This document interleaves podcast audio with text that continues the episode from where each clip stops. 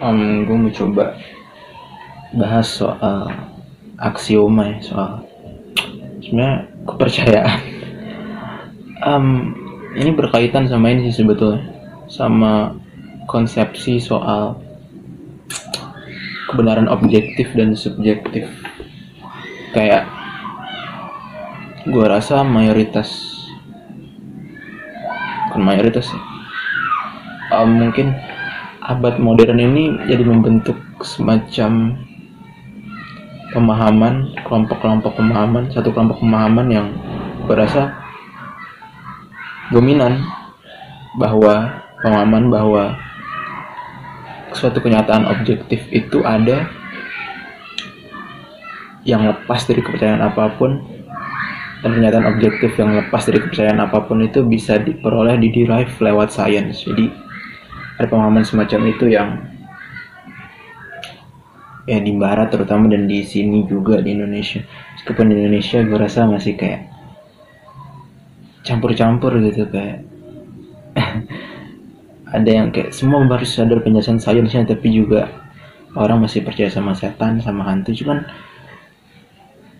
sepemahaman dan sepengamatan gue ada tendensi itu untuk melihat bahwa oh temuan sains itu adalah sesuatu temuan yang objektif yang bisa menjelaskan dunia dengan 100 dengan akurat dan penjelasan itu tuh lahir bukan dari kepercayaan tapi dari ya udah metode yang lepas dari kepercayaan gitu. Dan ada kayak clash antara agama dan sains gitu. Kebenaran sains tidak kompatibel dengan agama. Cuman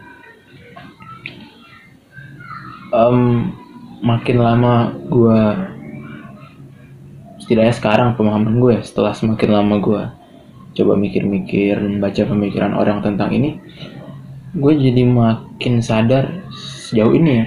Posisi gue berubah dari yang sebelumnya melihat tadi posisi gue kayak tadi melihat bahwa sains itu adalah metode yang bisa menghasilkan kebenaran objektif menjadi nggak nggak dulu nih.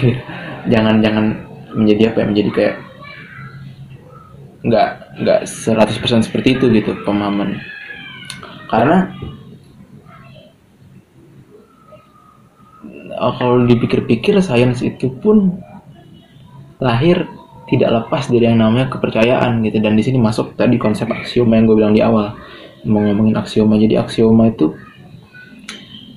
adalah semacam satu kebenaran yang diterima begitu saja tanpa butuh bukti gitu. Yang dari aksioma itulah. Kemudian berdasarkan yang dari aksioma itulah yang menjadi dasar bagi um, dasar dasar untuk menghasilkan pengetahuan-pengetahuan lain. Misalkan um, aksiomanya katakanlah um,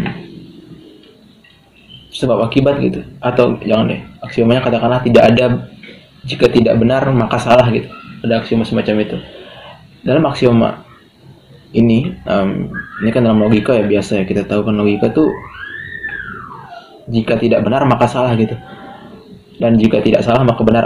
Artinya truth itu dibagi jadi dua antara benar atau salah gitu. Itu aksioma kepercayaan. Karena kalau pikir-pikir lagi kenapa harus kayak gitu gitu? Kenapa nggak ada setengah benar atau setengah salah? Atau kenapa suatu hal nggak bisa benar dan salah sekaligus gitu? Kayak itu kan akhirnya aksioma bahwa jika tidak benar maka salah dan jika tidak salah maka benar itu. Secara secara tidak langsung atau bukan intinya aksioma itu dengan sendirinya membuat model dunia yang yang apa ya model dunia yang di mana hanya ada dua gitu. Hanya ada hanya ada benar dan hanya ada salah. Tidak ada yang ada di tengah-tengah dan tidak ada paradoks paradoks itu nggak valid gitu. Padahal kalau pikir-pikir kenapa enggak gitu? Kenapa kenapa dunia harus seperti itu gitu? Mungkin aja dunia itu isinya paradoks semua gitu. Dan dan dan enggak dan nggak perlu hitam putih seperti benar salah semacam itu gitu. Dan itu aksioma. Sama kayak sebab akibat juga A maka B gitu. Ya itu kan aksioma juga. Walaupun walaupun. Atau kayak satu tambah satu sama dengan dua gitu. Itu itu sesuatu yang apa ya? Itu objektif in a way. Gue juga masih mikirin ini sebetulnya kayak itu sesuatu yang objektif. Dalam artian setiap orang bisa sepakat satu tambah satu sama dengan dua and yet masih ada pertanyaan kayak mungkin gak sih satu tambah satu sama dengan dua itu adalah sesuatu yang tidak universal tapi sesuatu yang datangnya dari otak kita kayak kalau struktur otak kita beda aja. Satu tambah satu bukan nggak jadi dua gitu ngerti nggak sih? Jadi kayak kayak um, kayak kalau misalkan ini ada pulpen gitu terus gue ngeliat pulpen. Problem soal pengamatan problem soal objektivitas adalah ketika gue menganggap pulpen ini objektif padahal pulpen ini bisa berbentuk kayak gini gue ngeliatnya sekarang pulpen ini warnanya hitam dan bentuknya lonjong. Itu kan tergantung juga dari bagaimana gue punya tools untuk melihat. Artinya mata gue kalau mata gue strukturnya beda aja mungkin pulpen ini bentuknya bukan jadi lonjong tapi bentuknya jadi kotak gitu atau bentuknya jadi um, jadi apa kayak berbayang-bayang gitu. Jadi ada bayangan-bayangan pulpen bukan cuma satu bentuk pulpen yang rigid gitu. Karena tergantung sama mata gue dan problem soal kita bilang bahwa ada dunia objektif di luar kita adalah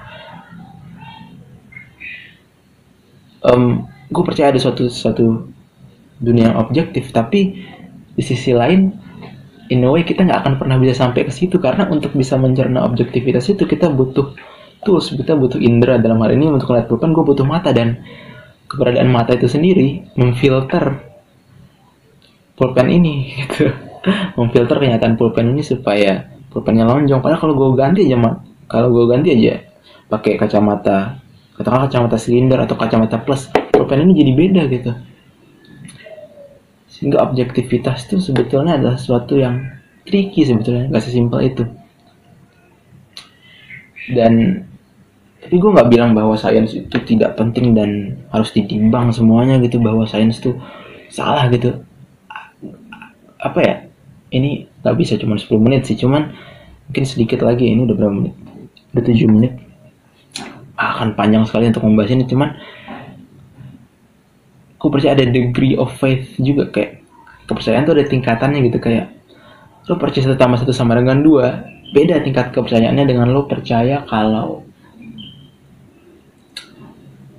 kalau presiden Indonesia itu bukan Jokowi tapi presiden Indonesia itu adalah katakanlah Pak Sudirman yang ada di pinggir jalan gitu.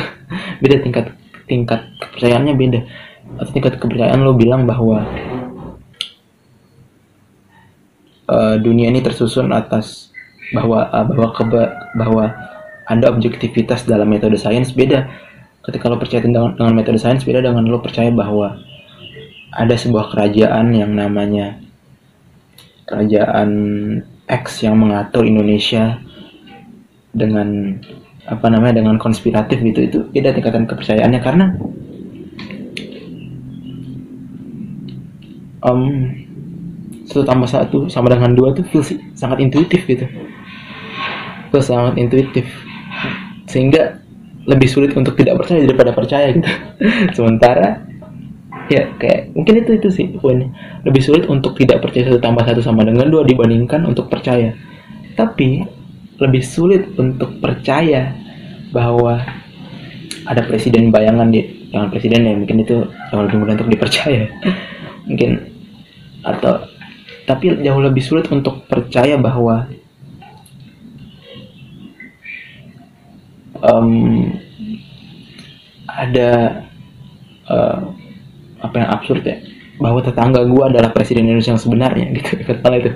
Lebih sulit untuk untuk tidak percaya satu tambah satu sama dengan dua dibandingkan untuk percaya kalau aduh belibet ya.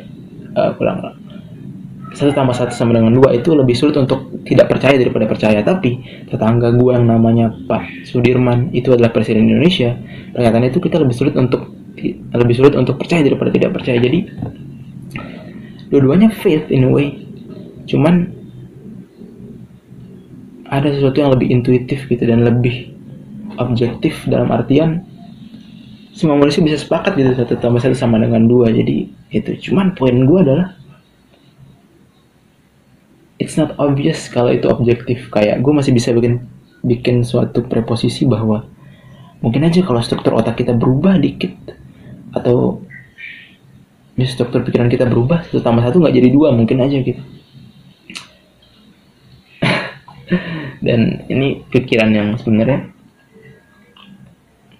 agak berbahaya karena in a way berbahaya menurut gue karena bisa mempertanyakan struktur realitas kalau satu tambah satu aja belum tentu dua gimana yang lain gitu kan. Cuman penting untuk sedikit memikirkan ini menurut gua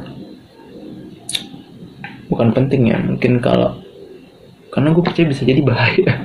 Kalau dipikirin karena bisa jadi ya lo kehilangan arah tentang realita gitu. Sehingga ya gue juga bahaya juga sih ngomongin ini mungkin dalam cuma waktu 11 menit karena karena gue tetap percaya ada objektivitas dan gue tetap percaya objektivitas bisa dicapai dengan logika dengan metode sains. Cuman penting untuk tidak berhenti di situ gitu. Penting untuk tetap sadar bahwa ini semua itu adalah percayaan bahwa ini semua itu adalah model gitu. Bahwa perkara ada model yang lebih baik dan model yang lebih bisa memprediksi dunia yang dengan lebih akurat iya. Tapi bahwa model ini adalah model yang paripurna yang, ter, yang terakhir yang final menurut gue itu yang harus selalu dipertanyakan gitu. Dan kita harus selalu bisa menyisakan sedikit area untuk ragu untuk bertanya supaya tidak arogan gitu supaya tidak arogan. Oke anjir. Ah gue nggak tahu ya apakah ini sesuatu yang cukup aman untuk dibicarakan ya. Karena gue nggak mau karena suatu semacam ini sebetulnya butuh waktu yang lebih panjang untuk dibicarakan sih. Hmm, dan gue sebenarnya gue takut in a way karena gue termasuk yang awal-awal merasa gitu kalau semua orang bisa berfilsafat gitu. Kenapa harus bicara karena kan, ada yang bilang kayak filsafat itu haram gitu. Cuman sekarang gue pikir-pikir mungkin ada sangat ada benernya sih untuk mengharap jangan mengharapkan filsafat dan untuk melihat filsafat sebagai sesuatu yang berbahaya karena memikirkan sesuatu semacam ini itu bukan pertanyaan yang enteng gitu dan bukan pertanyaan yang